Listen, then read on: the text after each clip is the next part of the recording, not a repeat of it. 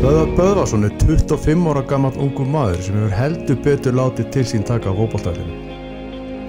Böðvar var ótrúlega flinkur í yngjaflokkum og væga satt með mjög mikið keppniskap. Hann lendi ræðilegu fókbróti mjög ungur en gafst ekki upp og kom sér að miklu harfylgi upp í meistarlag Galla í ÖFA. Þaðan átti leiðin eftir að leika til Danmörkur og nú spila Bötti í Pólandi á öllum stöðum. Kæru vinnir, Bötti Löpp er alvöru maður og nú eru um að gera að koma sér vel fyrir, á sér kaffibotla og hlusta. Góða skemmt. Böða Böðarsson, verður hjartanlega velkomin. Blessaður og takk fyrir þessa geggjöðu kynningu. það verður gaman að henni. Já, ég er bara með kassan úti núna. Já, já, þú, það hefur nú ekki vanta, það hefur nú ekki verið vandamál hjá þér hinga til. Ný. Manst enga, manst eftir því þegar við kynntumst það? Ég man að þú varst þjálfar í 15 flokki, Já. eldra ári og ég man svo sem ekki eftir fyrsta móment. Varst ekki búin að þjálfa eitthvað knastbjörnskólanum undan? Já, örgli, jú, jú, ég var nú alltaf eitthvað þarna í kringum ykkur. Jú, Krissi. Jú, jú, ég man, man eftir einhverjum klikkuðum hann í 15 flokk, sko. Það, kannski förum eitthvað, ég gæti mögulega í fyrsta skipti eh, leift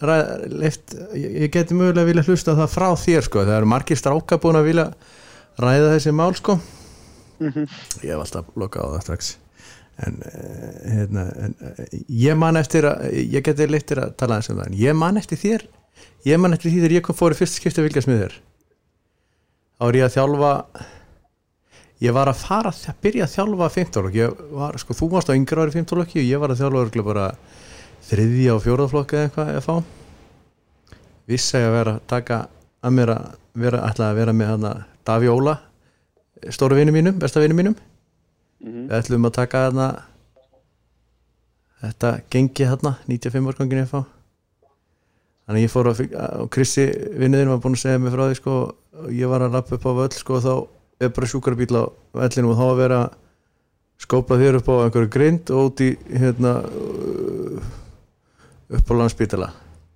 Mm mannst eftir því, Já, ég man mjög vel eftir því. hvað Það gerðist? var- Ég var náttúrulega að spila strækir á þessum tíma. Já, ég breyti því reyndar Já, ég fekk stungusendingu frá Robert Leo, góðun okkar. Já, Þeim var á launga mína mati, en ég, ég hérna eldana og lendi í samstöðu við markmanninn og tví fóborun að um hana. sko fyrir þá sem ekki vita þá er sem sagt það eru tvö, bein, tvö, tvö leggbein fíbula og tíbula Mm -hmm.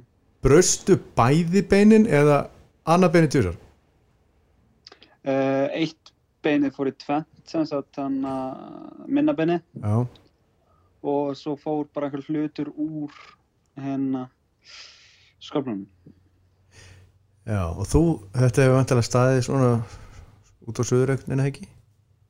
Hvað segir þau? Beinið hefur vantilega staðið bara svona okkur neginn út á söður Já, þetta var ekki opið sko. Nei, þannig að ég slapp við það uh, og þurfti ekki að fara í neina aðgerða því að hann sagði að beini sem brotnaði í sundur myndi bara gróa saman svona svona uh, út frá því en, en ég svo sem finn alveg ennþá fyrir þessu í dag svona á og til sko eftir uh, mikil álast hörð sko það er þannig já svona sérstaklega maður að koma tilbaka eftir prísi eh, hérna eftir eh, frí Já, voru að koma á erfitt prís í svona þá getur svona mikið álag hérna aðeins svona fundið óþægandi fyrir þessu en ekkert sem, sem hefti mann svo sem sko ég ætla nú aðeins að fara að ræða við þig um undirbúningstíðinbílin í, í Pólandi en það er á punkti hérna 94 eða eitthvað í, í, í handritinu hérna ha. ok En til að byrja með sko, þá er þetta náttúrulega svolítið sérstakt podcast sko, við erum náttúrulega hérna, ég er á pilsubarnum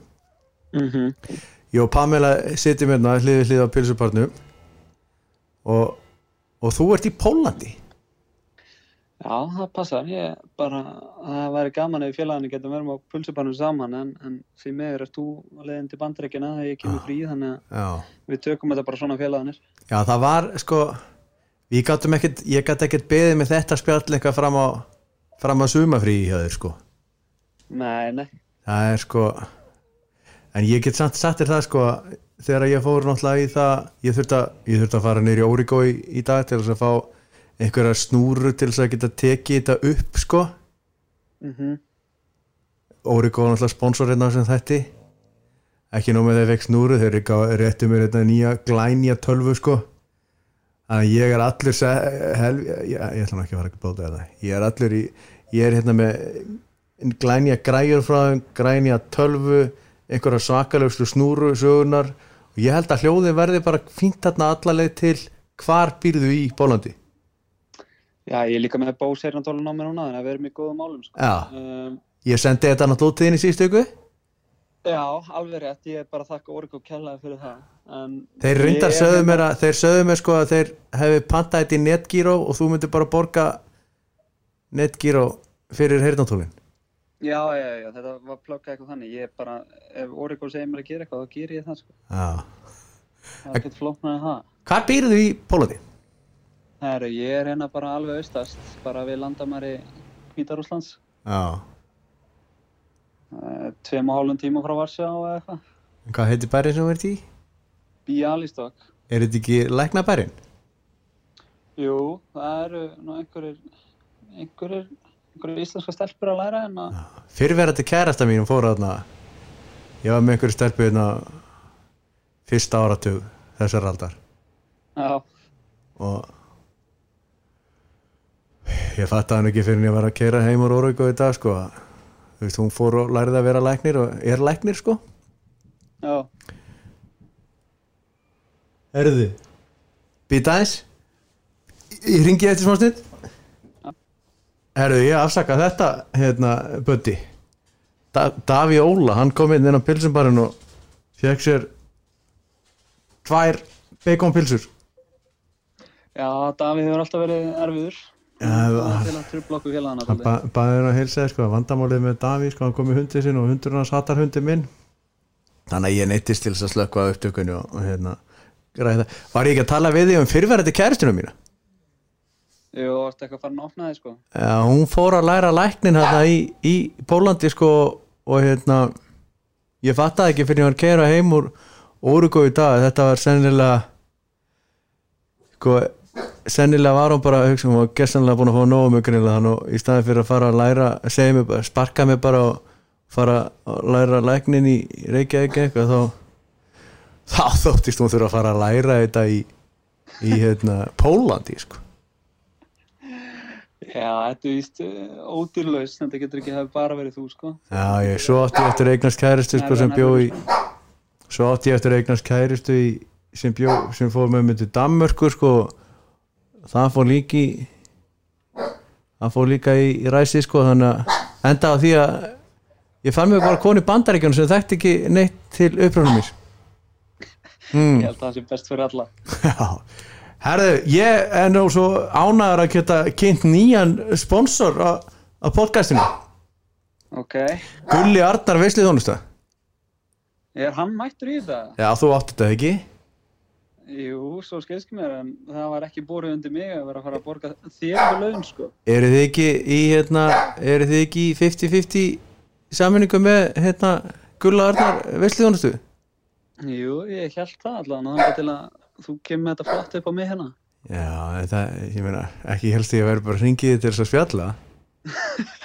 Nei, það hlaut að vera eitthvað að baka við þetta. En Ég meina, ég er náttúrulega, sko, að rekin hérna í júli og er, að, sko, er í dómsmáli, þá þarf að borga lögfræðingum, þeir eru ekki ókipis.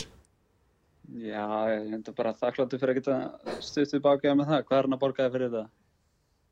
Ég held að sé best að hann sari því. ah, Ok, ég sendi eitthvað á gullan á eftir. hvenær byrjar að fótbolta? Mér skilst að ég hafi verið sendur fjögur ára eða eitthvað í einhvern boltaskóla sko, eða fá. Já. og það hefur síðan bara komið út frá því hendi í áttundaflokkin hjá, hjá Krista Gum, okkar manni Já. hann hefur tekið vantarlega mjög vel á móti þér. já, ég held að sé ekki hægt að óska sér betri yngjörflokka þjálfara á þessum aldrei heldur en Krismund sko Nei, nei, það er vantilega þurft að hafa aðeins fyrir þér Já, ekki bara mér, við vorum nokkur hana, ég, Flóki og Siggi Bond, að hann alltaf bara heilan hera fólk geta að sjá um þann mann, sko. Uh, Gulli og Yngvar og þetta voru ekkert léttustu gauðunir til að vera með, sko. Tóni Leifs, Tóni Leifs og Lalli, Ítalska stálið já, Ferróin konu aðeins hérna hana, en já, þetta er svona hver öðrum heimskari, sko. Þeir eru nú ekkit heimskir sér strákar Nei, nei, þú veist, ég var að setja mig undir sama hatt, sko. Ég skilði Eh, Það sem að það sem að situr svolítið sko, ég har alltaf góða minningar að þér ég þjálfaði nú gynna með eitt ár held ég fyrir kannski eins- aðeins ennað eftir en það sem ég man var sko alltaf þegar ég fór að horfa á FH-liðið að spila voruleikina og svona, eigilsvöllinni og hér og þar þar var alltaf mættu Bóbó, pappiðinn og og Bötti litli þú með boltan pappiðinn að skoða ljósin hafði engan áhuga á því sem var að gerast Já, og svo svona helmingarna af þessum gæðin sem að þú þuldur upp að náðum já, við vorum alltaf all inni í þessu, sko. Bara miklu effaðingar frá byrjun. já, og pappi hennar greiði fæðin alltaf dró hann í allt sko voru hvað hann var svona 60 ára gammal þá sko já.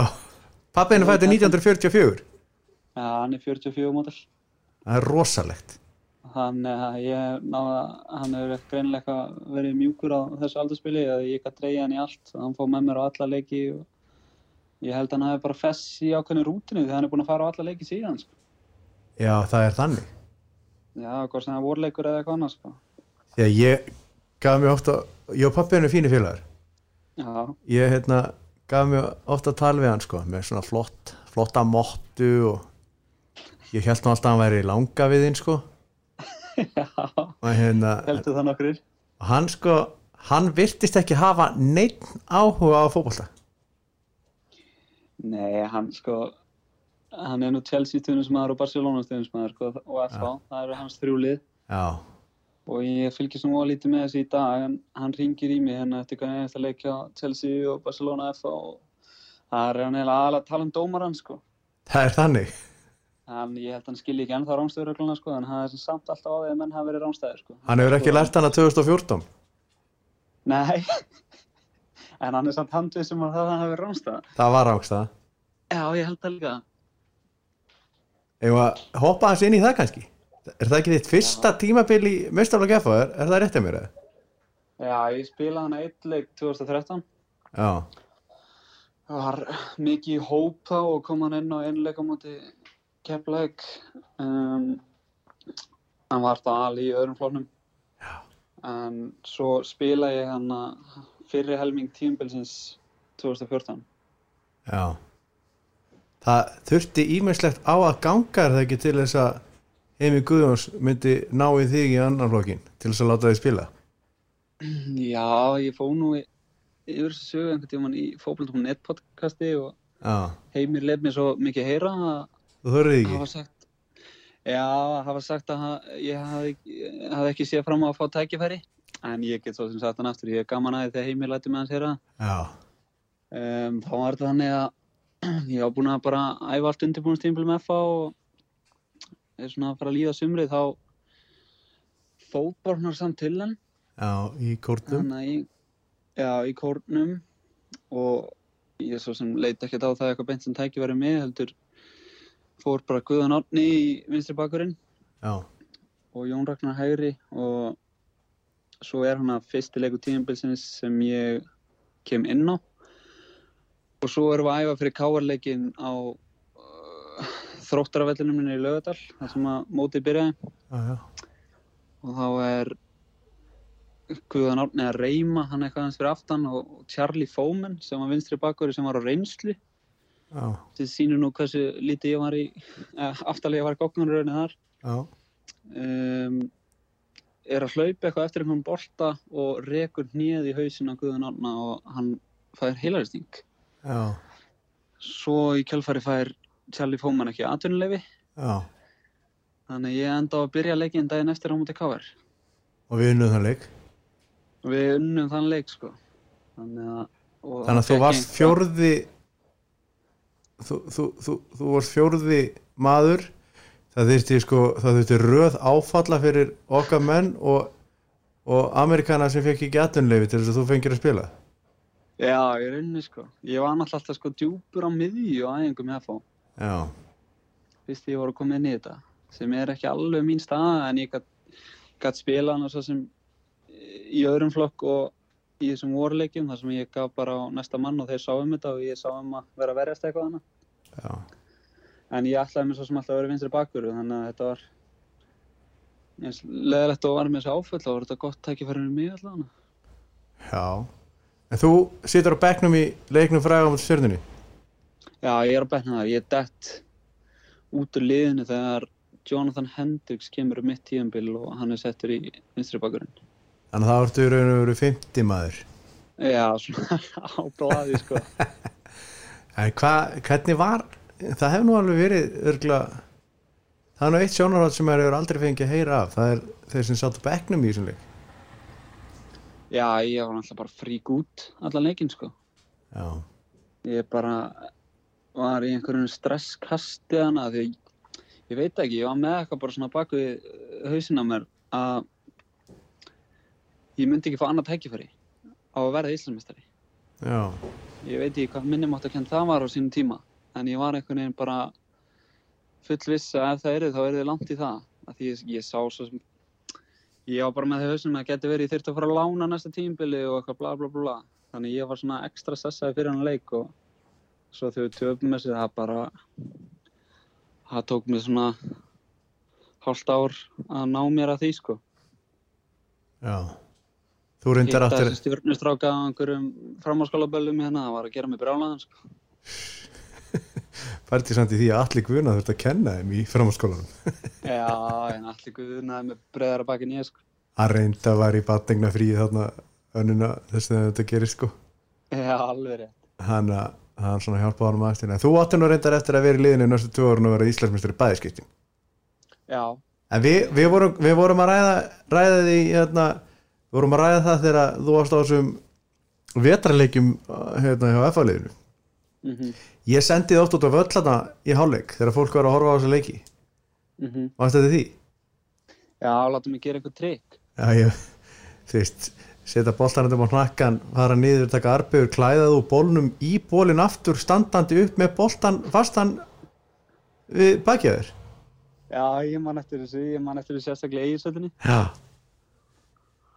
Ég kann ekki að gera þetta í dag, sko. Ha? Já, ég er ekki með að gera þetta síðan þá held ég, sko.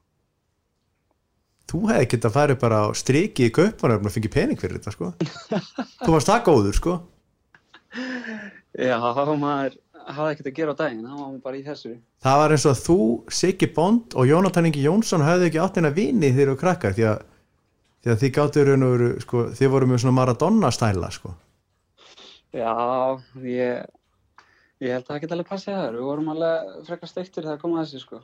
En þ- þú getur þetta ekki í dag Ég held ekki, ef ég myndi reyna allan að fara í bólinn aftur, sko. Það kemur á orð Ég ætla, sko, ég ætla að prófa þetta á morgun og aðeingu. Já Fólverðarnir verða Fólverðarnir eftir að sérsta hausinni við því Ég er að hafa engan húmur fyrir þessu. Hvað hérna, en hvenar áttar því að vera góður í fólkta? Uh, góður að hvaða leiti? Góður leiti að get, góður að geti farið í atvinnumennsku eða bara góður Bara, þú veist The microphone is yours Sko, ég ætlaði mér náttúrulega alltaf að vera aðdurmar í hópulta eins og allir held ég sem voru í þessu 95 árgangu hann hjá okkur. Já Um, ég held ég að átta mig alveg á því sjötta, fynda blokk að ég væri með þeim bestu í mínum árgangi Já, en ég mun samt aldrei gleyma því held ég þegar að ég er í þriðaflokki yngra ári og orrið Þóraðar, góðu vinnur okkar begja mm velur fimm leikmenn til að fara á landsistæðingar já, uh, 17 og ég er ekki einn af þeim ég held ég hafi aldrei orðið ég hafi reyður á æfuminni og þá byrjaði maður svona aðeins svona að efast í einhverja 2-3 daga skilur en svo fóðum maður bara aftur að, að vinna fyrir þessu og og hérna vinna að sínum markmiðum og ég eh, held ég hefði svona vita allan tíman að ég gæti alltaf þannig með, með hugafæri að að koma mér það sem ég langaði til að koma mér. Heldur að orðið að náða að herða það þessu upp? Það getur vel verið því ég, þetta fer anþjóð tögunar á mig því ég ræði þetta í dag sko. Hvað hérna, hvað gerður þú? Ég fór bara og æði mig meira. Bóbó er ekkert verið látið hringja í orra Nei, ég er svolítið sko að ef að það skrýtna aðtökaði gæst að ég hef beðið hann um og þá hafði hann bara sagt mér að grúta alltaf kæftildi sko. Já Ég Þannig man, að ég hef lítið að blanda fóreldrunum með þetta sko. nei Ég man sko þegar þú varst í 15 lóki þá heyrði ég sko fólk segja að þú ætti aldrei eftir að verða góður í fótbolta því að þú væri svo lítill og aumur Já, Ég man það bara mjög vel sko Þið er nefnilega, þið ykkur sko ég, hérna, ég þjálfaði ykkur í 15 lóki og við vorum að fara ennett mótið akkurir og þið voru búin að spila svona 3-4 leiki sko í Íslandsmótinu Man ekki verið þegar þið eru búin að spila 3-4 eða 5 og þið voru búin að tapa tveimur sko mhm. það var foreldrafundur sko fyrir, fund, fyrir þetta ennett mót sko eða SO mótið eða hvað þetta hétt þá þá voru einhverju sem vildi fara að tala um það að árangur aðleysins væri ekki hérna, væri undir væntingum í Íslandmótinu Já, sko, ég, og það var meira sem að rætt sko að þú værir bæði lítill og, og aumur og við það, það Já, var við vitum- það var við vitum báðir já, hvað já, fór- við, við sko, vitum við, það, það, hérna, sko það, það, það er nú ekki að fara neitt í grafgöldum með það, það var allt vittlust þarna sko en, Mhm. en, en, en það skipti ykkur máli, mér fannst þetta bara svona eftir að ég hef aldrei gleymt þessu þegar að fólk var að tala svona um 12 ára strák sko en þú ert samt á þessum tíma þetta í þriðaflokki búin að hérna, fótbrotna illa fá högg sko að vera ekki valin í landsliði þegar að sko helmingur um bænum var greinlega valin í landsliði hérna varst lítill og léttur bara í já, alla tíð og ert það ennþá mhm. en þú hefur náða standa þetta að þér allt saman já, ég sá nú einhverja mynda mér um daginn sem Siggy Bond sett á Twitter. já, Ég skil nú svo sem alveg fólk að hafa verið að efast um að því ég var lítill og umhör. Ég er eins og Óli Prika á þessari mynd, sko. já þú varst eiginlega ekkert nema leggli á þannig á F-búningurinn sko Já, í rauninni, sko. Uh, en, já, já, ég meina, þú veist, þú, þú veist, að vera fótboltamaður sínst ekki bara um að vera eh, sterkur og stór, sko. Nei, við sjáum allir að bestu fótboltamenn sögunar Maradona Messi, Óli Dan Jón Króið, þetta er allt hittir Já, en ég meina bara eins og þegar við vorum að spila nú þannig í fintaflokki, þú varst að þjálfa mig, þá Já, já, sá maður þessa stráka sem voru kannski bráðhorska já, já eins og Ólífi Sigurjóns í Breiðablík og Flóki hjá okkur og eitthvað. Að Það hjálpar alveg þegar þú ert svona kannski auðmur að vera að mæta svona gaurum skilur og Já. ef hún er að standa í hárna um þegar þú ert svona óþórskaðar þá getur það 100% út orðin eldri. Já, já, við getum alveg tekið hérna við getum alveg tekið sko þjálfræðina fyrir einhvern veginn að setna ég held við gera það nú samt ekki hérna en, en þið, þið voru með geggja lið þetta ár sem ég þjálfaði ykkur og ég veit ekki sko ég ætla nú að, jó, kannski er ég alveg manískur sko en þegar ég verið að horfa á Liverpool liðið núna ég held nú með Liverpool þegar ég horfa á þess að fremstu þrjá Mane, Salah og Bobby Firmino þá minna þeir mig alltaf á Bötta Löpp, Sigga Bond og Kristján Flóka Júdas skilur hvað það fer sko Já, ég skil- Flóki skil hvað þú var fara. sko, Flóki var alveg ógeðslega fljótur og sterkur eins og manni Mhm. það skipti engu máli hvar Tóni eða Jónmári eða Gulli hvert er spörkuðu boltanum í áttinu Sigga Bond hann náði alltaf að halda honum sko eins og fyrir minjó og svo varst þú þess að sala þú gæst fengið hann í svæði í fætur og skoraður og skoraður og gast, var, varst svona lítill höfrakall sko Mm. sérðu, svip- sérðu líkinguna? Já, ég svo sem skil hvert þetta fara sko, þetta var, þetta var uh, effektífst hjá okkur. Ja, við erum Íslandsmeistarar hann í 15 loki Já, hvað við töpuðum þrem leikjum 7-0 í tímanbili, og einum 8-1 já, og einum 8-1, já, enduðum síðan á að verða Íslandsmestrar. já, það var eftirmunulegt Það var eftirlunett í, í meira lagi, ræðan þín fyrir leikinn þar, Ég held að þú eru rekin í dag ef að þú myndir flytja sömu ræði í dag. það er 100% Það er 100% þannig. ég reyndar man ekkert hvað ég saði þarna það er nú kannski ágætt Já, ég held að við, ég skal ræða við þig bara þegar við hættum upptökum. Þetta er undir, já, undir fjögur eiru Já, ég held að það sé betra. já, já, ég veit svona nokkur nefnir hvað gekk á þarna en við, við náðum að við, hérna, var þetta ekki að Kristján Flóki skoraði með volli frá miðju í framleggingu á móti stjörnunni á stjörnuvöllunum Jú, í áttalegu allir. já, Og stjörnu fóreldarna voru mætti bara í haus í hausu okkur sko. leikmanns. já, þjálfarinn var reikinni fyrir stúku stórvinnu minn, Láki Já, ég sko var náttúrulega að þjálfa Indrið Áka í sumar já, eða mest í vetur sko þá látið fara hérna bara eftir 500 á mótinu mm. hann sagði við mig, hann var ennþá viss um það sko, að, að, þjá- ekki, ekki nómið það að dómarinn hafi verið fullur, hann var eiginlega hálf viss um það að ég hef verið með hann fullan sko kvöldi áður sko, því að hann hef verið svo lélugur ég er ekkert svo viss um það sko. nei, nei, þetta var þannig að leikur og spilar á stjórnina, þeir glimtu bara að bóða dómarinn að leik sko, þess vegna var hann seitt Já, og af því hann var seitt og svo gekk einhvað þarna á þá og var, var garbaðingurinn sko og hann var, hann réði ekki alveg við þetta og ég man nú svona smá hvað ég sagði við ykkur fyrir leikin sko og ég sagði ykkur hvernig garbaðingurinn væri stundum já, hann væri ekki til í það að býða eða hann vildi stundu geta keisið fram fyrir röðina já, það er bara ekki búið fótboltanum því miður. nei, e, því miður og, og ekki því, kannski, ég veit ekki en hvað hva, hva, ertu með ykkur, hvaða minningar hefur á yngirflokkunum í FH?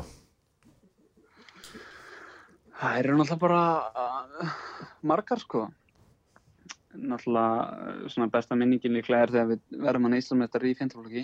já, Um, og það var kannski fallega við það að við erum allir bara góð vinir í dag sem Mm. mm. unnum þann titil. Það já, er svona flest allir saman í vinahóp. mhm, og svo var náttúrulega þri- sko fjórði flokkurinn, hann var aldrei Viggo Bríma með okkur þar já hann náttúrulega geggjaður mm. þriðji flokkurinn Orrið Þórðar þetta er bara svo mikli karakterar sem voru að þjálfa mann á þessum tíma sem kannski svona stendur mest upp úr að hérna, þú varst með menn að þjálfa þig sem virkilega fannst þetta skipta máli já, við hvernig myndi ganga Ég hef alltaf sagt sko að einn af einn af styrkleikum FH í þessum yngjurlokum mm. Mm. gegnum tíðina sé sá að að við hefum haft gæfu til þess að hafa FH einhver þjálfa þetta já, og svo harða FH einhver ég meina Skrissi Daví Óla Atli Guðnason, Orri Þorðarsson Tóti, Kári Dotta Viggo var náttúrulega grjótarri FH einhver líka að, hérna okkur stóð ekkert á sama um nokkur skapaðan hlut sko Nei, nei, ég þjálfaði nú einn vettur með Tóta Böða frenda mínum og, og Kárfi Dotta. Já, Ég tók þetta með aðeins léttari hendi en þeir, þú veist, þeir eru bara þetta er bara tollera og þeir eru bara það að metna sem þeir leggja í þá þjálfun hann að hverna með, sko, ekkert, ekkert smáflottir, sko. Kári Dotta er búin að þjála 15 og hvenna í FH síðan 2005 Já, það er, bara mjög- ekki aður. Já, það er mjög vel gert sko Hvað hérna en uh, hvernig sko hvað varstu gamall þegar þú byrjaði að ræfa með mestarlóknum?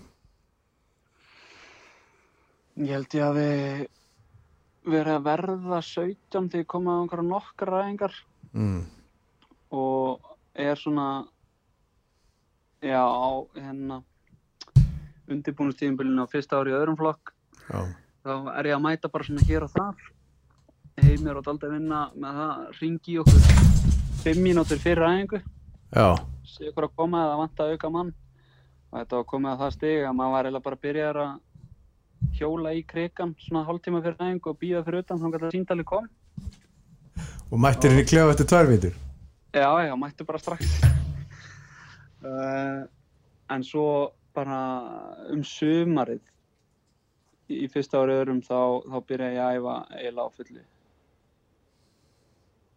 Og hvernig var þetta lið? Sko, maður var náttúrulega bara með pullandi kvíða að Já, mæta á hverja æfingu, sko.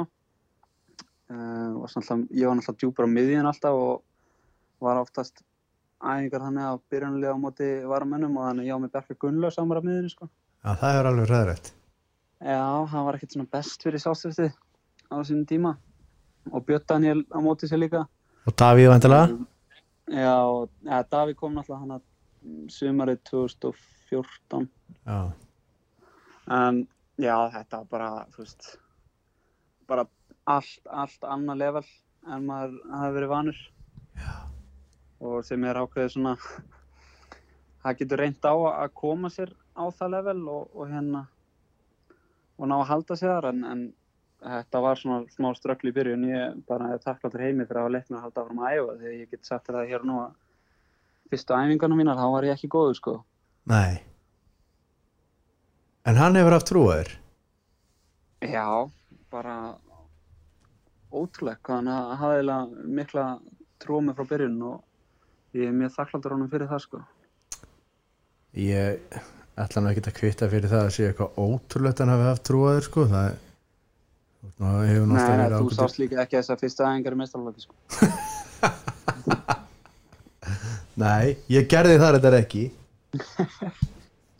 En, en, en hann, hann hefur munstraði í það að verða vinstri bakurur Já, þú veist, þegar ég var að æfa mig þegar ég var yngri svona frá yngst ári í þriðja þá var markmið mitt alltaf að vera vindur bakur Af hverju? af því ég bara taldi ég væri ekki nóg tæklinlega góður til að ná þar sem ég langaði að fara sem miðmaður. Þannig að þú Já, ert í raun og var að segja bara þegar þú ert í níunda, tíunda bekk í grunnskóla þá hefur þú satsað á það að verða vinstri bakurur Já. Það er ekki, ekki heimskulegt ég taldi að það væri svona auðvöldast leginn fyrir mig í atvinnum sko. Allt þú hefur ekki bara haft hár rétt fyrir þér Jú, jú, ég, ég held það, ég sá líka, ég man ég sá eitthvað mikla umræði á þessum tíma að það væri bakvara ekla í landsliðinu og ég held ég að Ég- bytti það bara í mig að það væri léttast leginn í landsliði Var ekki Heimir Hallgrímsson að tala um það? Eða var það, Já, eða var Ah. þetta á undan, var þetta það er fyrir? hægri bakvara stöðuna þannig, ég held að vinstri bakvarinu sé alveg sett í dag sko. Nei, nei, það er hlut, hluti breytast í fótbollanum sko Já, ég, En þetta var gott múf hjöður og, og þú byrjar að spila þú ert í raun og veru orðinn fastumæður í FH-liðinu 2015 Er ekki rétt að mér? Já, þá, þá, þá spila ég allt tíðumbili, spila bara hálftan á 2014 og spila sinna allt tíðumbili 2015.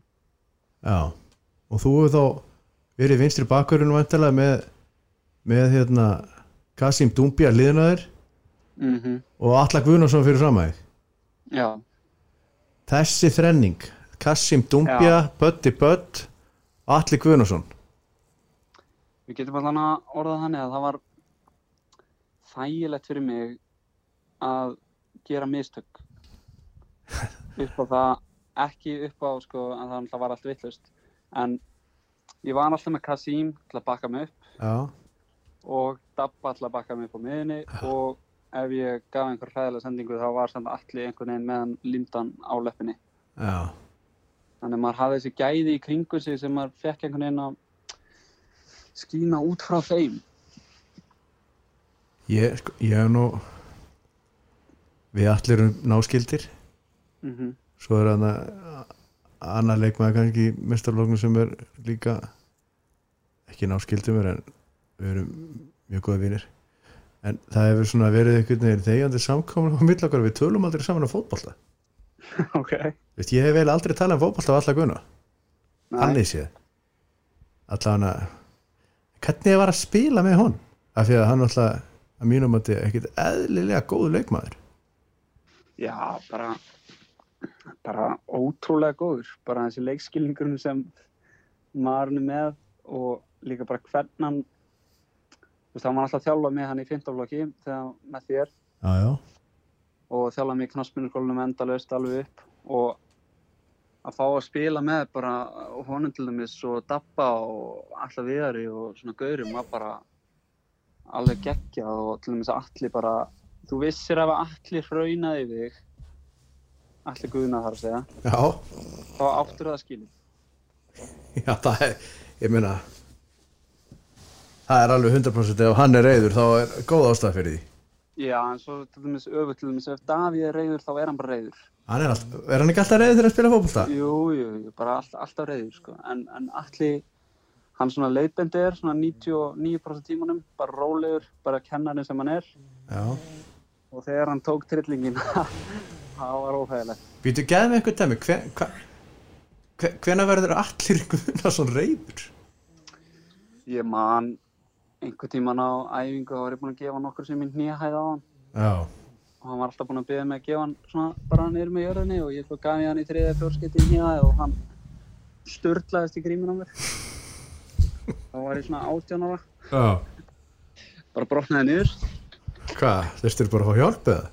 já, ég þurfti bara að láta leiða mig heim en hann svona í flestum tilvægum var bara leifinaður og bara geggjaður og ég er bara mjög stoltur að að hafa spilað með hann Ég ætla að fá alla hérna í settið. Vonandi bara Já, í sko. þessari viku, sko. Alli er vannmetið finnastu guður sem ég hitt á henni Já. Það, já, eins og ég var að segja við hann, við erum bæðið náskildir og, og, og, og náni vinnir, sko, og tölum ekkert mikið um fótbolta, þannig að þú getur rétt í mig, ég veit alveg hversu skemmtlur við náðum er, sko. já Ah. Ég gleymi aldrei því ég óskaði hann til hamingja með ammalið og hann bað mér vinsaleðast um að fara að næsta vegg og skalla hann. Fýttu hvernig kom það til? Ég var búinn að vera eitthvað erfiður í klefanum og svo fattaði hann átti ammali. Já. Óskaði hann til hamingja með ammalið og hann sagði farðu að þessum veggðan og skalla hann. Já. Hann er geggjaður. Amæli staðin hans alla guðuna í Kappakrik á þessum tíma hefur verið sérstaklega skemmtlir því að fytti vinnur okkar, Mm. guð blessiði minningu hans, hann átti, átti amæli saman dag og, og allir guðuna. Já, kom alltaf kaki í klefan. Já, ég held að, ég held að fytti hefur komið með mjólkina og allir með kökuna. Já, Ég held að þetta hefur verið hefð bara hann í Kappakrika í 10-15 ár. já, já, maður fekk að upplifa þetta. Þetta var fallið hefð. Já. Segðu mér eitthvað að Kassin Dumbia. Ég og Kasim vorum bara að tala saman á hann. Já, það er þannig. Já, já, við höldum reglulega samvætti í gegnum Instagram. Vítu, Ég sakna bara Kasim sko, djúvill hann ekki ekki þér. heldur það sé einhver séns að fá hann aftur í FA? Ég veit að honum langa, Já. honum langar að koma aftur til Íslands að minnst að kosti, en ég veit ekki, ekki COVID að fokk allum upp eða. Jú, jú, það er meina. Trump er búinn að segja að það komi hérna, Trump er búinn að gefa það út að það verði komið vaccine by the end of the year Já, ekki fyrir við varst um hann. en nei, ég er eini maðurinn á Íslandi held ég sem er búinn að viðkjöna það ég stiði Donald Trump í fórstakostningunum Já, ég kýsa að tjá mig ekki um pólitísk mál. ég er nú reyndar engin sérstakur aðdáðandi Donald Trump en ég er republikani í bandariskum stjórnmálum Þetta fylgja konunni henni bara þar, Nei, tengd að pappa en, við, en, en ég meina sko það kemur, þú veist það er brekka svona núna í, já. Mhm. í heiminum þetta lítur að við hljóttum að ná að vinna á þessu við höfum nú náð að vinna á ýmsu í gegnum aldirnar sko þannig að við hljóttum að vera ná, ná okkur að þessu og þá kemur fótbolti og það vantar örgl einhverju liði hafsend ég held að séu svona 60-70 mann sem hlusti á þetta hlaðvarp Mhm. einhver af þeim hafa áhuga nú vita menna hvað sem Dumbia vill koma til Íslands Já. það er þetta ekki Ólásíka næsta ári? Það er aldrei við það, þú ert með sambund þar. Nei en, uh, en þú verður Íslandsmeistari 2015 Mhm. í það er, að, svona, það er svona FH titill uh, það sem ég muna með það er FH titill er að þú veist við fengum sko fengum ekki blauta tusku hérna í andlitið í 14 við fengum ekki nefahögg hérna árið 2014 bara FH meistarlokk kalla fekk bara svona eitthvað tsunami yfir sig hérna Já. og þú veist maður hefur marg oft séð lið brotna Mhm. við svona eh, mun vægari áföll heldur en þetta Mhm. það var eiginlega engin spurning að við varum alltaf að fara að vinna mótið árið eftir Já, en við lendum samt þannig í brekku um mitt mót Já, þar sem þetta var svona var að snúast upp í svona neikvægt umtal og bla bla bla sem við náðum síðan að nýta bara í meðbyr fyrir okkur var það ekki einhverjum Evrópuleik, einhver fræg, fræg ræða inn á, á hótelinu? Jú, eitthvað, eitthvað Azerbaijan dæmi Já, við, við tókum bara skemmt í kvöldan um kvöldið og mökkum Eitt- okkur aðeins eftir leikinn og eitt móralskan? já, einn moralskan og, og hérna þá ég held við mikið lítið tilbaka eftir það, ég held við minni flest allir leikinn okkar Ok, og vorum líka bara drullu skemmtilegir þetta sísón eða þú veist, vorum að spila skemmtilegan bolta sko, þegar í þessu liði, þá eru við vantalega með leikmenn eins og Kassim Dumbjar Hagi, mm Mhm. við erum með Pétur Viðarsson, eru, er Gauji að spila þarna? Gauji eh, eh, eh, eh, er ekki að spila hana Davíð Mættur, mm -hmm. Atli Gunnarsson, Atli Viðar Björnsson er þarna.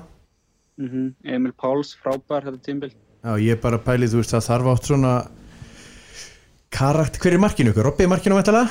Robby Það þarf svona karakter og, og, og hérna leitóa til þess að snúa svona erfiðu mómentum yfir í jákvæða hluti Mhm. Það hefur gengið ákveðlega Ef það er einhver Já, skruðningur ég- hérna, sko, þá er hundurinn hérna að törflokkur komin í fangi á pappa sínum Já, ég held að sko uh, að hafa þessi karaktera í, í F-liðinu var alltaf bara ómetalegt sko. Já, Tóku á sig svona flestu fyrirsennar í fjölmiðlabanninu fræða sem við fórum í og það er alltaf bara svo fáranlega mikilvægir í klefunum að, að hafa þá var gullstundi sko. hvað hvað gerðist, hvað, hvað var til þess að FH sendi einhverja fjölmiðla í, í leikbann Var það ekki að fara að skrifa einhver grein um að Bjarni átti að hafa sagt að hann væri með átti meira kass en einhver. hann er bóttið á það Já, hann hefur pottet átta og pottet sakta. það hann hefur eitt karakterinn til Já, þannig að við ákveðum að snúa þessu upp í einhverja vitleysu og, og nýta okkur það.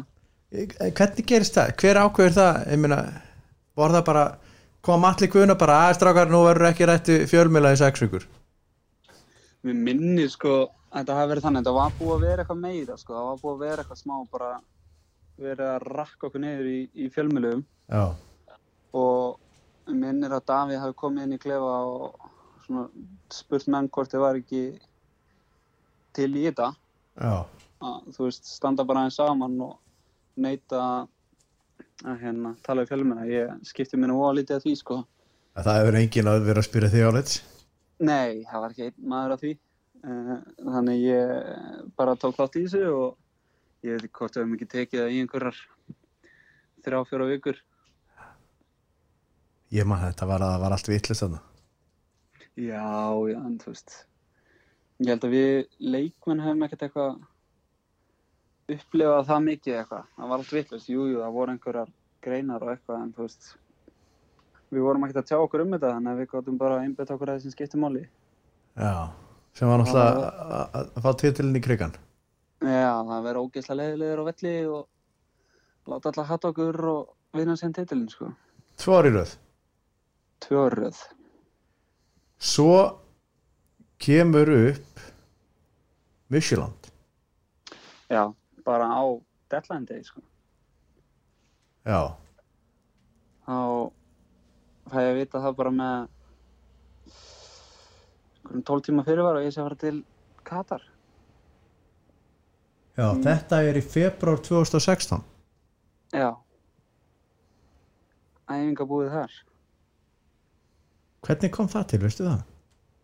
um, veit það ekki sko ég held ég hef bara verið á einhverjum lista hana þeir eru náttúrulega mynd aldrei sérstakka formúlu og þeir ef þú hefur séð Moneyball myndina Já, já þá kaupaði leikmenn út frá því Já, er Og ekki ég- Boston Red Sox já, ég fekk síndal frá umbásmannum mínum að ég væri á lista hana nummer 2 eða eitthvað Já, og ef að fyrir gæðin myndi ekki ganga upp þá væri ég já og svo var það bara ég og ég fer hann út í Katar og er í í Midtjylland í fjóra mánuði minna mig já, og kem síðan aftur heim þegar lánsamningurinn rennur út þá nýttu er semst ekki réttin á að kaupa mig Midtjylland er á þessum tíma Danameistarar er ekki, Já. ré- er ekki rétt hjá mér Jú. voru þeir í meistaratillinni Nei, voru í, þeir voru semst að undirbúið sem þeir leika á móti United í 32 lega úrslutum þegar ég kem já ég skil besta lið Danmörkur Já, Eh, besta lið Danmarkur og, og ég var bara ekki á þeim standard þá að, að ná að keppa um þessa stöðu hann að fyrstu sexu vikunar já, greinin er búin að fagna þessum Íslandsmælstilli full mikið já, þetta er í februar Já, og var hérna ekki búin, var bara alls, alls ekki í nógu góð standi til að vera að keppa ekki almennilega um þetta hana já, En svo þegar loksins þegar ég komast í stand Já, og svo loksins þegar ég er komin í stand þá hérna og farin að sína svona kannski mitt eh, rétta andlit þá, þá megi sín hérnu já, Þetta er búin að bæta á mig einhverjum 10 kílóum hana vítu á þessum fyrstu vikum Já, ég var náttúrulega alltaf léttur þegar ég kem hann út já, Það var einhverjum 67 kíló eða eitthvað og fór á einhvern geinar hana og blasta upp í 77 þælur uh, og fæði þá álasmessli í kjálfari í, í hnið og er rauninni bara off þanga til að hérna lánsamningurinn er búinn sko Pétur sko, þetta finnst mér nú tölvöst áhugavert Við erum, eh, ég hef náttúrulega mjög mikið áhuga á þessari tvöliðin í, í, í Midtjöland uh, vegna þess að þeir eru náttúrulega meistara Danmörku þarna og danska deildin er nú sannlega sterkasta deildin í á Norðurlandunum kannski og svo sænska mm Mhm. þannig að þú veist bara það eitt, þú veist að munun að fara á bestalegi í Íslandi yfir bestalegi í Danmörku er, er bara eins og að fara úr bestalegi í Skotlandi yfir í bestalegi í Englandi skilu, það- munurinn er á að vera gríðarlegu sko, en sko þú segir að þú hefði bætt að þið 10 kíló mm -hmm. á hvað löngum tíma? á hvað voru þetta ekki 6, 7, 8 vikum? já, einhverjum átta vikum Hvað varstu bara með, var, var hringt í ekkert boga og Nei, sko, þetta er náttúrulega líka mín mistök að mörg leiti. Þeir sögðu bara um þetta þingið mig og ég fekk einhvern geiner hana já, sem ég ætla að taka á mótnan á kvöldin.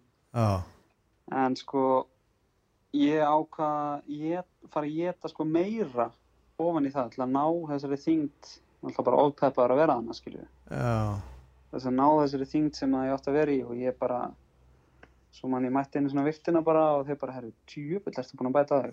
Þá var ég bara orðin þrútin, sko, En byrju, varstu ekkert að beigja og rétta og hvort ég var. sko, En 10 kíló, hvað, en sko, hvað, veistu eitthvað hvað bættir að því 40% versus vöðamassa?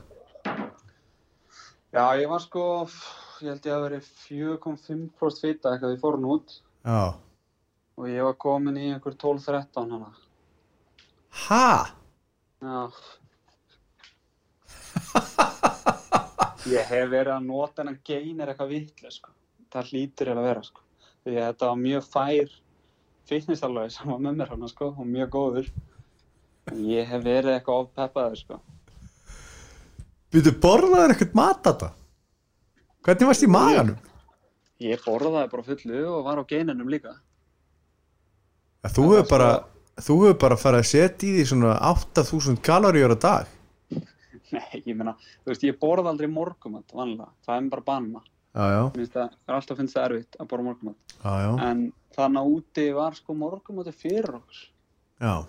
og hátegismatur og helviti vel úti látið og ég hef greinilega bara, eftir að fæðin minn hefur vannrækt mig í 20 ár sko, þá hef ég bara alveg mist stjórnumæruna sko. Já, þú hefur bara verið komin í hlaðborð allan daginn pluss geinir. Já.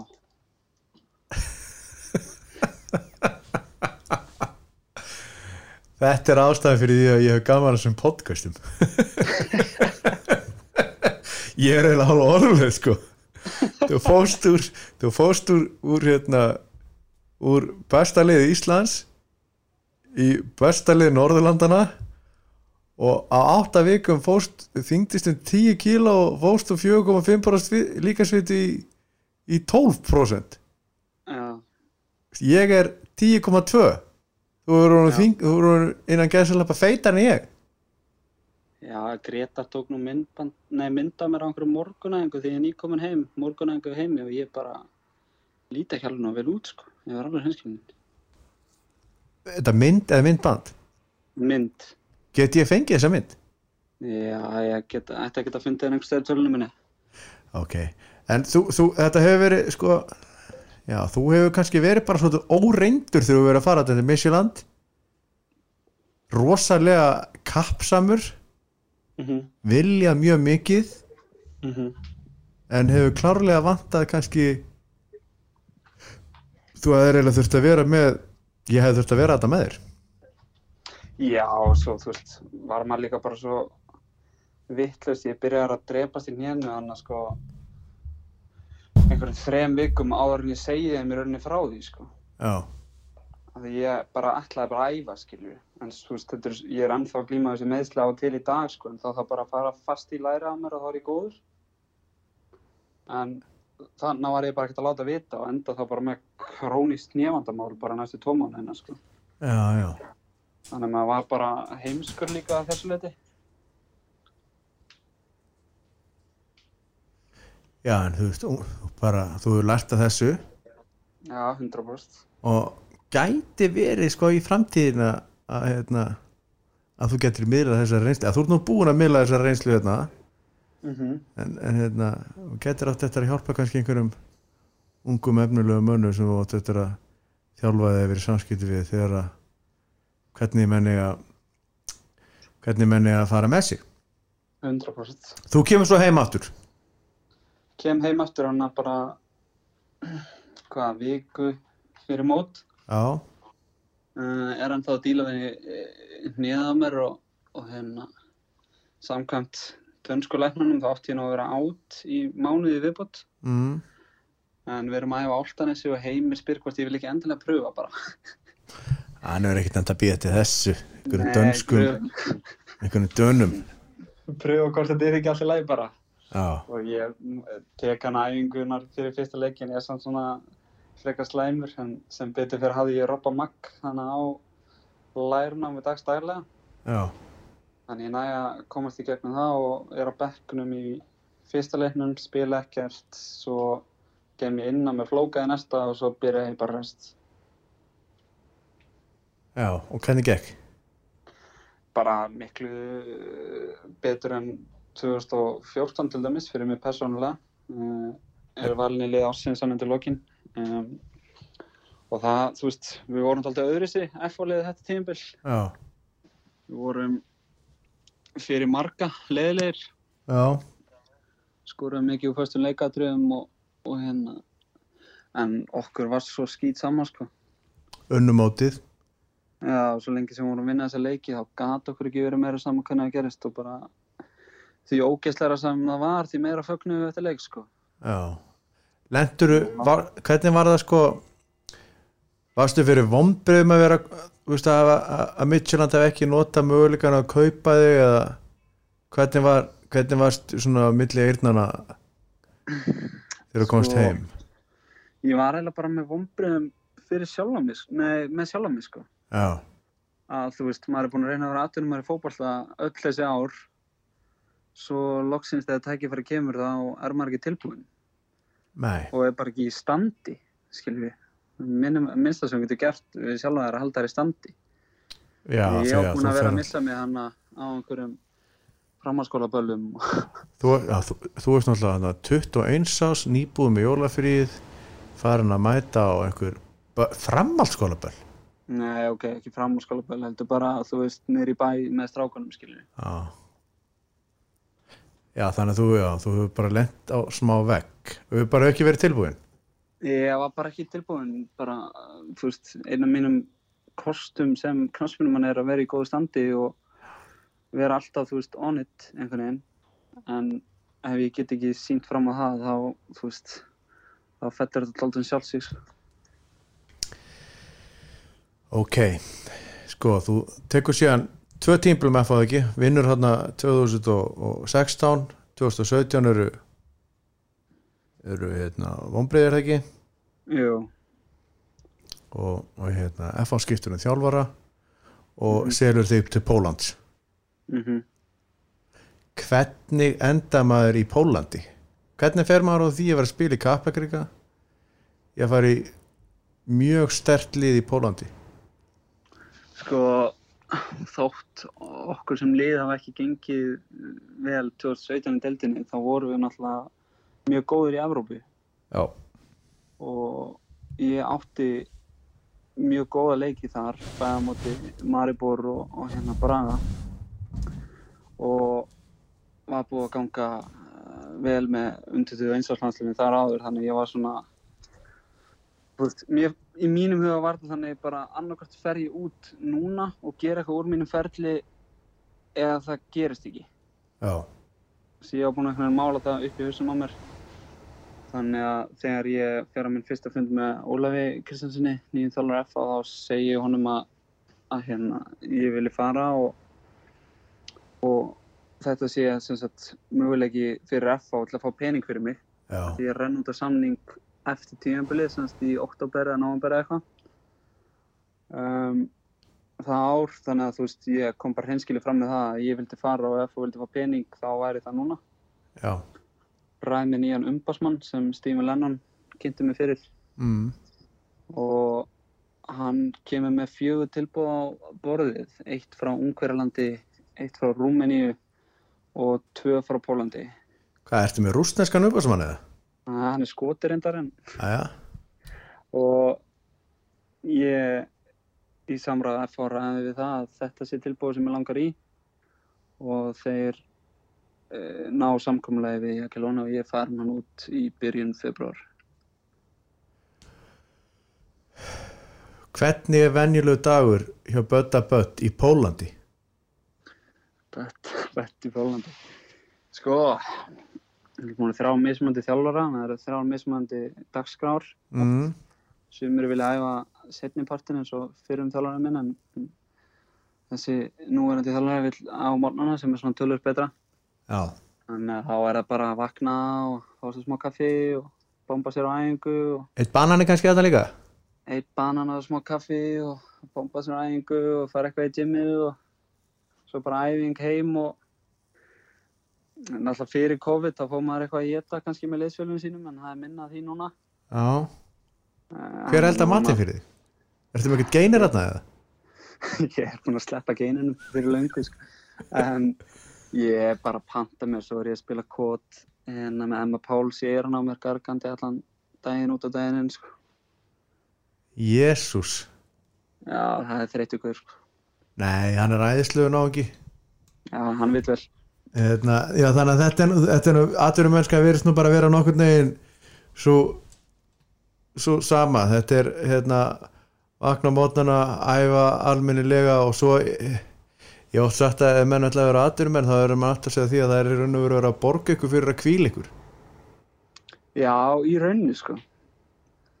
Það er lagt, lagt mikið upp úr uh, endurheimt uh, hérna núna sem þegar með nýja þjálfaranum og við megum bara ekki fara á æfingarsæði á þess að láta vita sko. já, Þannig að Við erum ekkert að gera neitt auka nema að þjálfaranir, að þjálfara teimið komi að því sko. Þannig að já þeir það er eru alveg rétt hjá þér. strikt á því Já, það er alveg, alveg rétt hjá þér. en hvernig er svona þú veist hver- hversu mikill munur er að spila fótballta í Pepsi-deildinu og hvað er þetta deildinu í Pólandi? Ekstra klassa. Ekstra klassa Það er bara tölurumunur. já, bæði bara á á gæðum leikmanna eh, náttúrulega kannski skiljanlega meir, meiri peningur í hérna já, dildunum já. og bara líkamlegu svona atgerfi almennt sko hvað spilaði margar leikja á hvað er þetta margar leikir í deild á ári? vanlega er það 37 en, já, er þetta ekki 30 leiki pluss úslutakefni? jú, en það er eitthvað búið að cancela úrslagjarni núna út af COVID já, það kemur ekkert á orð þannig að þetta eru 30 leikir en vanlega er það 37 er þetta vetradeild? Já, við spilum senastu leikur okkar fyrir vetarfrí er 20. des, neða 19. des og svo er fyrsti leikur bara meðan februar aftur. Og, og hvernig er sumafrí? Uh, svona lok mæ oftast. Þýrt að komast í að þjálfa þarna sko. Já, getur hendið til Vegas um sumar, á sumurinn og Nei, nei, það er bara, það er bara Ohio, America. já, núna er óhæg. Ah, maður þarf að passa upp á hænutnar. Svo hann, ég, ústu, ég var náttúrulega hana, 13 amer, afríska royal hænur í bandaríkjónu. Ætlar eitthvað að útskjöra munin á Royal hænum og venjulegum hænum eða? Já, þeir eru miklu stærri og flottari og þeir eru svona hænur eins og Elisabeth Breitadrottninga með í garðinum hjá sér. Þú er búinn að gifta þenni peninga? Nei, nei, nei, nei, nei, nei. Glemdu því vinnur. Svo eru núna, ég, við erum alltaf búum á Íslandi en tengdafóröldarinn þau eru uh, mikið í dýrónu sko, nú eru að skoða íslenska hestin. Mm. En uh, segðu mér sko, hvernig er Ísland versus Póland bara svona sem staðið ætlar að búa á fyrir 25 ára gamla kallmann? Já, náttúrulega sko, vitun eru bara óskur seipaðar hérna fyrir mig og Íslandi sko, dimmt, snemma og, og hérna kalt. Já, En sumrin eru náttúrulega bara geggið sko. ert Drullu þú eitthvað gott þarna á veður. sömurinn eða? Hvað sér þau? Ertu eitthvað þarna á sömurinn? Ég, ég fæ tveggja hennar sumafri um ball. Jú, það er þannig. Já, þannig að ég er nú aðalega hérna á sumrin og hérna, já, ég er bara, þú veist, þægileg borg sem ég lifi í og hérna, ekki eins og Varsjá, þú veist, umferðar traffikin þar og geðvikin, Já, þetta er bara svona mjög, mjög þægileg borg sem ég er í og, og fínt að búa hérna, þannig að þetta er svo sem ekkert eitthvað gífurlega mikil viðbrið fyrir mig eitthvað menningarsjokk, sko, þetta er bara, bara mjög góð matur og, og gott að væp sinna, sko.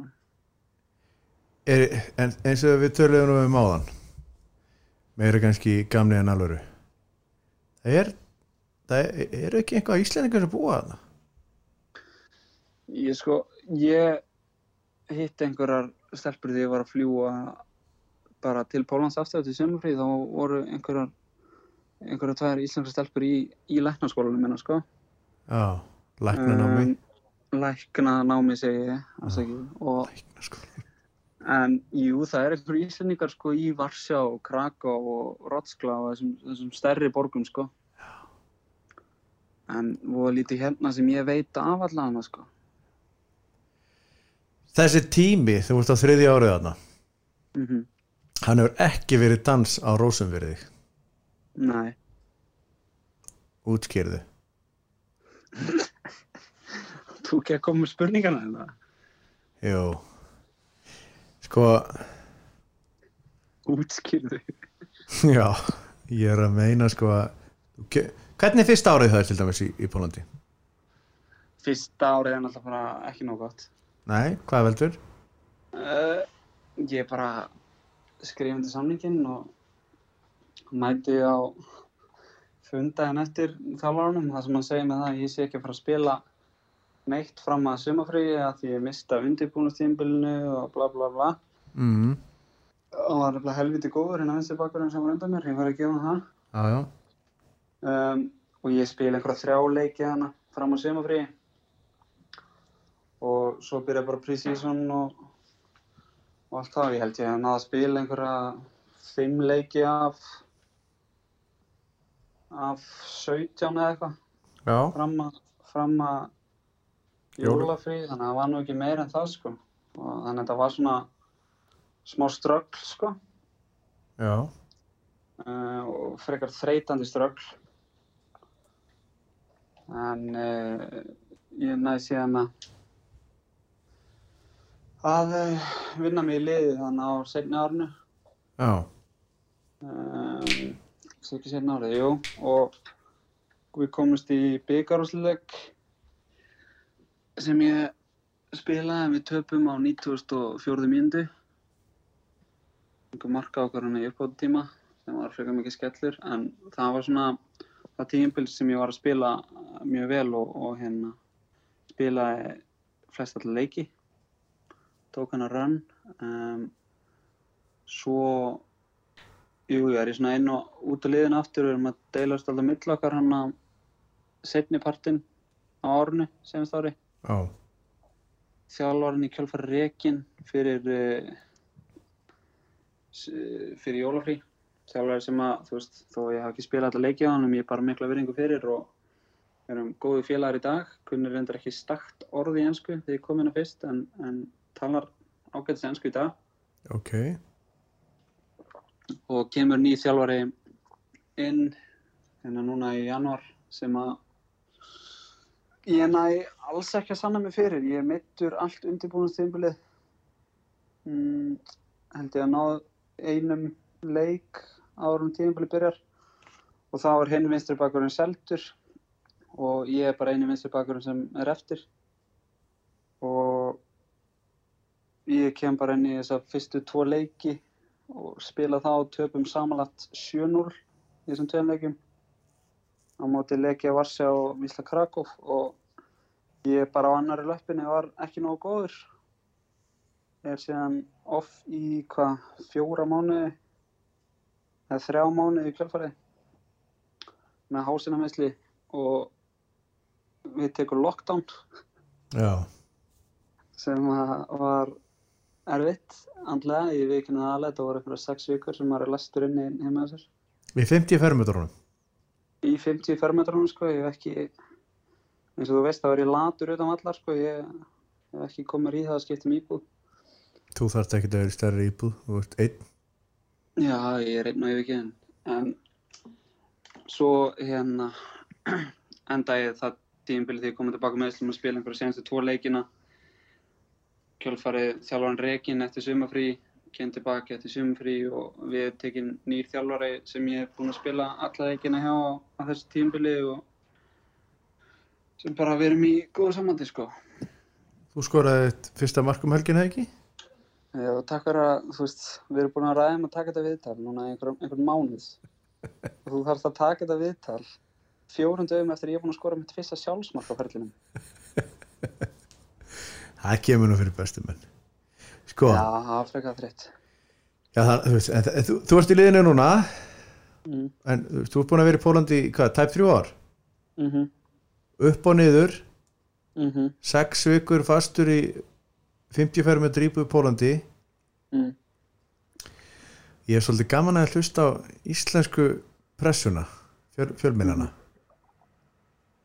Það er þetta sko, eins og þú segir sko, þjálfarinn segir við þig strax, þú ert ekki að vera að spila neitt sko og svo spilar hann nú bara hérna fimm leiki að fyrstu 17 hérna úst hann að eh, sko þú ert ekki búin að spila neitt sérstaklega mikið hérna fyrst ári sem þú ert þetta Mm -hmm. þá byrja alltaf í íslensku blaðmörnum til þetta fer hann ekki bara að koma heim Mhm. er ekki bara best fyrir hann að koma bara heim og spila bara í Pepsi til þetta sko. mhm, sem að maður sér mjög gjartan gerast hérna með unga menn Mhm. það er farið í allir mörskuna svo er bara komið beint heim aftur hérna. Já, já, ég var náttúrulega mjög mikið var við þetta, sérstaklega fyrsta árið. já, Það var annarkvort verið að orða, orða með við FH og svo þegar að heimur, tek, heimur tekur núna við all val í janúar þá á ég vist að vera að fara þar já, þegar maður eh, lendir á bekknum með einhverjum meðslum nokkur leikir röð, sko, það er alltaf eins og maður sé að fara að koma heim um, ég er með frekar skýrt markmið og það er að halda mér úti næstu prr, sjö árin að það gengur upp vonandi þú getur léttilega verið úti til 35 ára aldur sko já, já, og 10 ára eftir svona markmið er, er, er 7-8 ár og áður en maður kemur heim en, en þú veist þetta, þetta eru náttúrulega hæður og læður í þessu, ég meina þú veist já, þótt þú sett að koma frá Íslandi hérna þá áttu ekkert að vera að spila þetta leiki ég meina það eru menn úr öllum heimsónum að koma hérna og það er bara mikið samkeppni og ég er bara hjá góðu liði Já. í góðan klúpp og það, það bara stundum ert ekki í liðinu eða eitthvað pallborna og þá er það bara þannig það, er, það sem ég er að fara er, með, er, er þetta sko þú veist, Íslendingar hafa gert að vera þekktir verið það að vera mjög harðir af sér og verið með svona gott mentalitet eða góðan hugsunarhátt sko mm það þarf að passa svolítið upp á hann og þú veist, ég er ánægð með það að þú hefði bara bitið á í axlinu og haldið áfram og en ekki þú veist, það þarf að- ekki að vera að væla menn aftur heim þegar það kemur hérna, þrjú vinstig í handlitið sko. Já, bara ég get ekki verið með samanlegar þú veist, ég líka fekk gott múf með að við mörg önnur múf úr persutjöldinni já, og það er kannski fylgifisku þess er að þá er þetta erfiðara já, um, og ég tel mig að hafa verið búin að standa það að mér og þetta er búið að vera mjög, mjög lærdámsökul tími hinga til já þannig ég er bara spenntur, uh, spenntur fyrir framtíðinni sko Já, ég, ég var þeir að fá mér- mér fannst þú svo gott dæmi þetta svo gott dæmi að þeir til þess að geta fengið aðeins að skjóta á á sem er að stundum að fjalla um hana fótboltæðina af því að þetta fer, þetta fer náttúrulega þú þekkir mér náttúrulega ákveðlega já, og þetta fer náttúrulega alveg ótrúlega í töðunar mér já ég, ég flokkaði þetta bara undir svona háklasa væl mm og ég var ég hlustaði nú líka stundum á það að segja það þegar ég var kom heim sko að að ég væri svo óreindur sko Já, og ég var þá búinn að vera að þjálfa út Erlendis í sex ár og til dæmis í no- norskri fótballtadeild sem er betri heldur en lengi deildin á mínum að mm -hmm. og ég uh, ég dæmi það því að, að hérna, á þessum þremur árum sem ég þjálfaði í norsku deildinni þá eru miklu fleiri leikmenn sem hafa farið í það að spila í efstu deild í Norri og jafnvel í Serie A í Ítalíu heldur en nokkuð tímann leikmenn úr inkasso-deildinni hérna á Íslandi sem bara hafa farið í það spila í Pepsi-deildinni sko já, og, og mitt mitt helsta vandamál við fótboltan hérna á Íslandi í sumar var það að mér fannst gæðin ekki vera nógu góð og, og umgjörðin alls ekki nógu góð, mm út um allt ekki út Já, um allt, á mörgum stöðum sko ég held þér hafi tæklað þetta bara vel í Steve Daskrá, vinnur okkar þar ég hlustaði á hann um daginn, þá var Andri Geir að segja hérna alltaf þegar leikmaður er á bekknum í einhverja þrjáfjörðu leikir röð, þá er alltaf talað um hann segja að koma heim, já, en þú veist hann er að fá borgað fyrir að spila fókvallta Erlendis já, sem er bara draumur flest allra ung, ungra manna já, og er að fá að upplifa það þannig að akkur ætti að vera að drífa sig heim þá að koma eitthvað smá mótlæti skiljið þú veist þetta getur að vera óþálandi að vera einn einhvers staðar langt frá fjölskyldinu og allt það og vera ekki að spila skiljið en ég meina nenni ég að fara aftur heim og vera húsverður og í boltanum með já, nei, ég er nokkuð góður í bylli nei, nei ég, ég meina þú veist það, fótboltin er þannig að ég held að sko fyrir, fyrir flest okkar sem hefur verið í fótboltan þá er það er það er oftar en ekki sem að menn er að fá kjaftsök sko mm -hmm. þú veist, til þess eitt sigurleikur, hvort þú þarft að taka nokkuð kjaftsök fyrir hvert sigurleik sko hér og þar, já, en uh, það er allt þessi virði þegar að dómarinn flautar af já, ég held að líka bara hafi hjálpað mér í hlumis með þess að ég hef verið að díla við henn úti hæður og leður og allt það að vera í FH, þú veist maður fekk oft kjaftsök þar, sko 14 2014 Já, og líka bara, þú veist, ég, ég var utan hóps í einhverjum byggarleik 2015, þá var ég búinn að kúka á mig í einhverju viðtali já, veitu hvað var heimir það? hendi mér upp til hóp, já, ég, ég var nývaknar til lögg, flóki á búinn að halda mér vöku allan óttuna og horfa á einhver, einhverja mynd í hesta og ég fæ símtal frá Arna við það vinnu mínum, en spyrir mútið leikinu í kvöld og ég bara hraunaði eitthvað yfir finnsku dildina, ég veit ekki hvað kom yfir mig já, og þá voru að spila Evrópuleik eftir 6 tíma og það- það fór ekki vel í heimsan, skiljanlega. nei, hann hefur ekki nett, nett einhver svolítið spölli Nei, mér var bannað að fara í viðtöl hann í ára eða eitthvað. öllum til hylla kannski Já, ég mátti ekki fara í viðtöl sko, svo leiða mér að leiða mér að fara í viðtal þau eruð meistarar. já, það var ekki fyrir en þá Ertu ekkert búin að fá leið á þessum viðtölum? Nei, nei, þú veist, ég bara tekið alveg flest viðtölu eins og ég bara er að taka því, bara segja það sem ég finnst, sko. Ég er En búin að, ég, ég er búin að, stundu taka, kemur það í baki af manni, sko. ég er búin að tala tvisar sem vonið því svo og farir ekki að tala um eitthvað sem ég vill ekki að tala um sko Ha, Nei, ég meina, þú veist, maður, maður verður bara að segja það sem henni finnst og svo Já, fíla já. maður bara afleggingar með því. já já, bara ekki særa mann og annan Hérna, þú ert aðeins búin að fara í framtíðina og hérna þú, þú stefnir að því að vera erlendis í einhver tíma yfir bót Mhm. Eh, Þú ert samningslaus í, í næsta sumar eða ekki?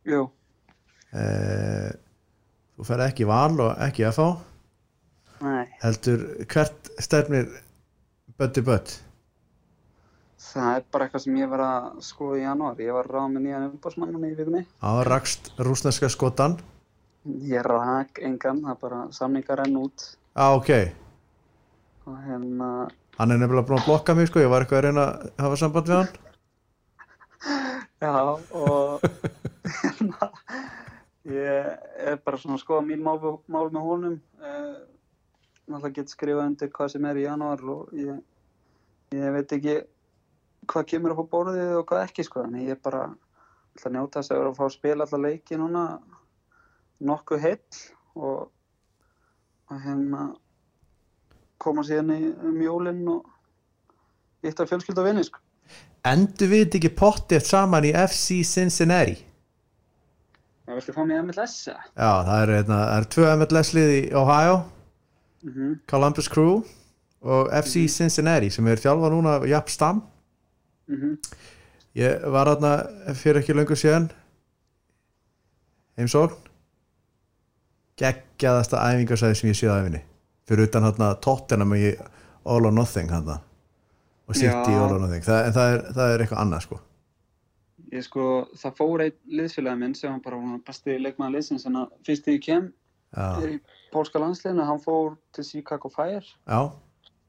þannig að þetta verðist verið að skref upp á við að fara í MLS já ég get að lofa því að bandarska tiltin verður orðin, orðin ansi vinsæl eftir nokkur ára alltaf HM hérna bráðum og hérna því miður fyrir NFL félaga mína þá er vi- vinsældir MLS eh, eh, hérna, NFL fyrir ekki e, eftir að minka tölvöft í bandaríkjunum og fótboltin er að fara að taka yfir Já, að lástanur höfumisli en það er annar mál við, við hérna, munum kannski eftir þessu spjalli þegar þegar hérna,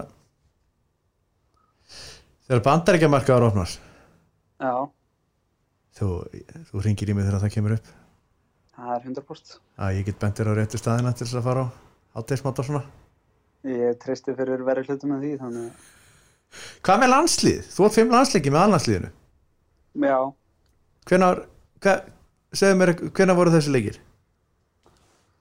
hvað- ég fer hann á æfingamót í Kína já, 2000 og, hvað sé ekki, byrjun árs 2015 já, Nei, 16 Kína Já, Kína, spila þar þrjá leiki, svo spila ég, eh, eða hvort ég spila tvo leiki eða eitthvað, ég manna ekki. Svo spila ég einn leik á móti Mexiko í Las Vegas, já, um, töpum þar 1-0 og svo spila ég einn leik á móti Indonési, já, og einn leik á móti Svíþjóð í Katar. býtuðu búin að spila á móti Kína Indonésiu hvað sagður mér að? Eh, sko, Kína, Chile, Indonésiu, Mexiko og Svíþjóð. já, þetta er áhugaveru listi Já, þetta er það. var þetta einhvað undir lagerbakk eða? Eh, Þetta var endur heimi, Já. eh, nema segjum til leikum um til Svíþjóð, það var Hamren og Freyr. Amren og Freyr, já og hvað áttu ykkur tjens að komast aftur inn? Já, ég er nú búinn að vera í þessum, hvað að segja, þessum preliminary hóp hvað því það? sem þeir þurfa að gefa út einhvern stóran, stórt úrtaka leikmönnum áður en að þeir velja sem, sem sagt, já, verið í því núna svona á og til senstu þrjú ár um, uh, ég, þú veist held 100% að ég muni spila með landsliðin eitthvað í framtíðinni hvort það verið náinn í framtíði eitthvað setna veit ég ekki en það er 100% það sem huga minn liggur sko Já, þú nær því. Það er minna, nú fyrir Ari Freyra að leggja skona á hilluna. já, Þá erum við með hvað, Hörð Björgvin hérna í vinstri bakverðinum. já Eru hver, hverjir eru svo hérna líka? Eh, svona pjúra vinstri bakarir ég er bara ekki alveg klár á því Hörður Ég er Björgvin, alveg- Hörður Björgvin gæti meira þessi að enda sem hafsend sko. já, það er bara eitthvað ég þarf bara að koma mér inn á hóp Hvað þarf þetta að gera, hvað þarf þetta að bæta til að komast í landslið?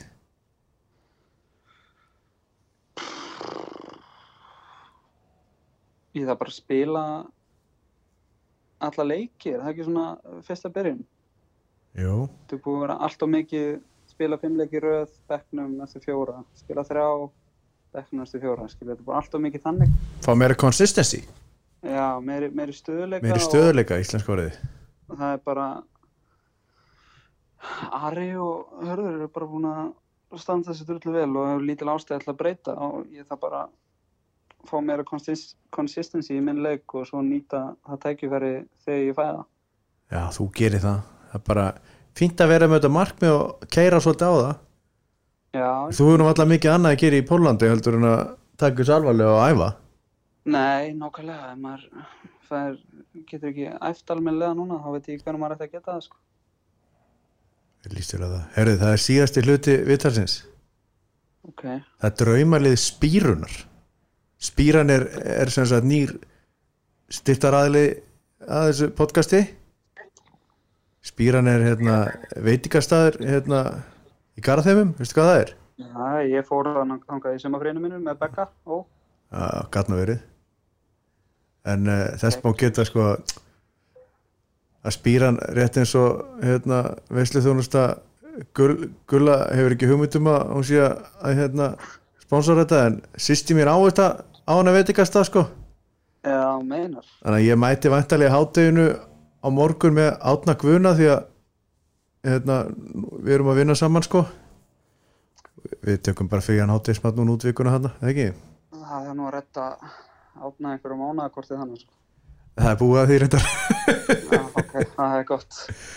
En en við, við viljum fá sjá, eh, bara í, þú, þú þarfst ekki að gefa þig mikið tíma við þetta, en við viljum fá ég var nú búin að nefna þetta við þig, það er náttúrulega að segja það Já, ég er með þetta skráð niður, hérna, ég, Jú, þú varst búin undirbúið, draumalið bötta bötti í bóði spýrunar sko, ég valdi, sko, liðið Já, út frá þeim fórsendum já, að eins og ég væri, sko, að bjóða í partí, sko. já svona þeir leikmenni þeirri stöðu sem ég langar mest bara svona skemmta mér með, taka þeim óralskan sko. Ok, erum við að fyrir 4-4-2 eða 4-3-3 Við erum í fjóri sko 5, 1, 4, 3, fyrir til hvernig lítur á það Já, já Hver er í sko, markinu? ég vel stjána 5 bóa í markið Kristján Fimbo í Fimboðsson já, Strekkit fyndi sko En mér er alltaf fyndist það fyrir ekki að fyndi að Flóki og, og Kristján Fimbo, þeir heita bara Kristján Fimboðsson já það er allir grilla sko sem er samt svolítið sérstætt nafn sko, Finnbóðsson já, ég bara ég varð að velja hann, þetta er bara besta manneski í heiminum og mér langar til að vera hann já, þannig ég þurfti Útskýrðu? að velja hann sko útskýrðu? já, bara hann er svo nettur einhvern veginn bara alltaf brosandi og bara búin að vinna allt sem hægt er að vinna og er bara geggjaður hvenær spilaður með honum ég að fá hann var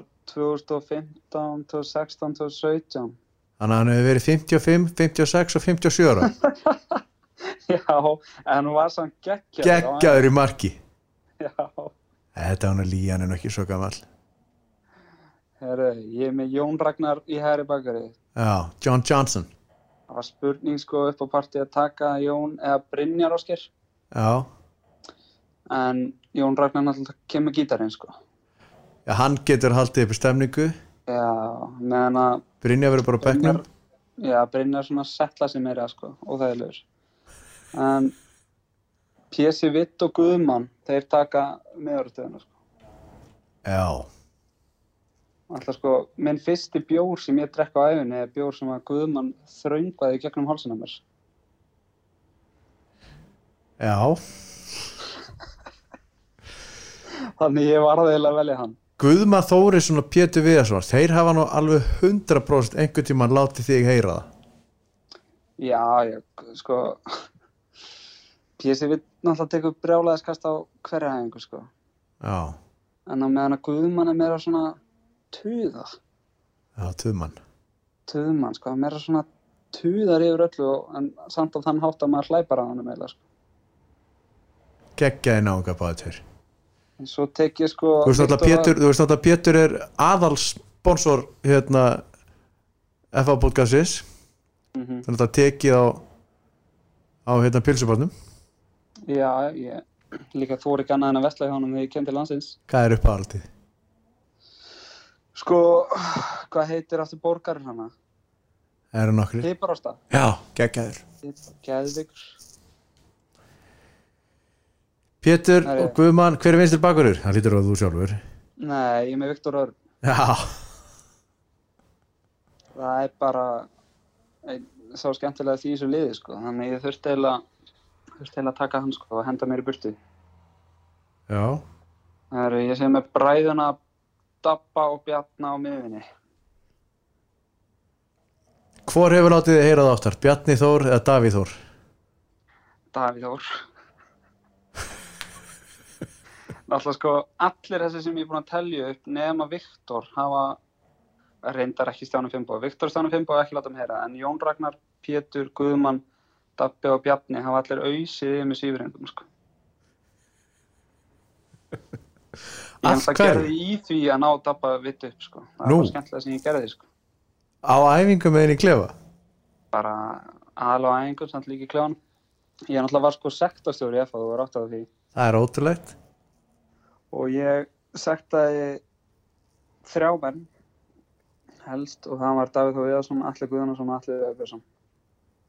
Þú hefur líka verið að hamast svolítið í þessum mönnum á Twitter. Já, Förum aðeins yfir það eftir. já. En af hverju varst að, af- ég meina, hvernig, af hverju varst að, af hverju varst að sekta Dabba, Davíð Þór, Alla Guðnason og Alla Viða Björnsson? Af því að þegar ég var ungur og komin í mestarlag þá var alltaf verið að sekta mig og ég var ekki með mánaðalun. og ég var alltaf bara að fá að lána hjá móðum minni til að borga einhverja djöfisir sektir. Þannig ég ákvað bara að svara í sömu mynd og ég gleyma aldrei svitnum á alltaf viðar í bjössinni þegar hann var með átjáskona sekt fyrir einn mánuðin. Djöfill var hann pyrraður maður. Fyrir hvað varst þú að sekta hann? Ég var ofta að taka skónan svo skiljaði eftir á gólfinu, það var þúsund kall sagt. Já, varst þú þá að gera það? Það, ég var að setja á gólfið en láta einhvern annan spotta, Já, skilur, já, já. þannig ég gæti skráðan niður. Og borgaði þetta? Hann bor, ég minna hann hafi borgað þannig mánuðinu, en svo tók hann með eitthvað eintal, þar sem hann baði mig um að hætta þessi. Já, það er bara neð ekki. Ég meina, fjölskyldumadur? Það eru, já, Dabbo Bjarni, uh, ég er með Lennon og alltaf G á kvöntunum. Já. Bara, fá alltaf G í partíi er bara fyndið. Já, já, við vitum það alveg hvernig að, já, já. Við vitum hvernig það Þannig er. ég grótjarar. Þannig ég er með álur menn og þá það er Emmi Páls í tíunni og Flóki í þrækjunum. Það er, hérna, það er allt í þessu riði. Ég held samt að þetta líka getur bara úr Íslandsmeistari nokkuð sko. öðvöldar. Uh, já, það er 100%. Eftir svona þrjú ár verður þetta liðorðið Íslandsmyndstari Old Boys, en, en hérna, en þetta er því líkt raumalið. Þetta er alveg leið. Sko, sko, það hafa nokkrir góðu menn spurt mér, sko, sem að vita að ég væri að fara að tala við því. Bötti, uh, sko, Þórarinn prinsinn spurði nú bara hvernig stæði á því að það væri svona æstur. við Já, að, við að við að vera úr þessari rólandi sjöskildu hann er reynda kólu vitli sjálfur en, hann er snarkjað ykkur. en það er líka bara margir viniðinir úr sem, sem þú hefur með sér verið að nefna í þessu draumuliði spurt bara hvað er að þér ég var það allir Guðnarsson. já Já, nei, ég dætti ekki. Hann spurði mig að þessu á hverjum degi. Ég veit það ekki maður. Það er bara, ég þarf að fara í einhverja sálfræðum fyrir þegar maður hættir þessi. Nei, nei, þú bara hefur allt gaman að lífinu eða ekki Jú, jú, er það ekki Erðu Böðar, það var hrikalega gaman að tala við þig. Sumi leiðis, menn, bara takk fyrir spjalli Það er COVID-testa mér eftir 8 tíma Já, þú eru að fara í hátinn Ég er að fara að kenna starfræði í nýjöndabæk Ok, Ég ætla að sé hérna diffrun diffrunin maður ah, Kantinga henni Eitthvað ráma mig í það sko Ég held ég geti mögulega þurft að ringja allar guðuna og fá okkur uppröðu núna Nei, nei Við hérna, við höldum samtalinu opnum vinnur, gangið er allt sem gangið er bara allt í hægin í, í Pólandi og þú verður bara í sambandi við mig ef að ég er einhvað Já, bara eins og alltaf kallum við Hafa það gott, ok bye Bye, hjá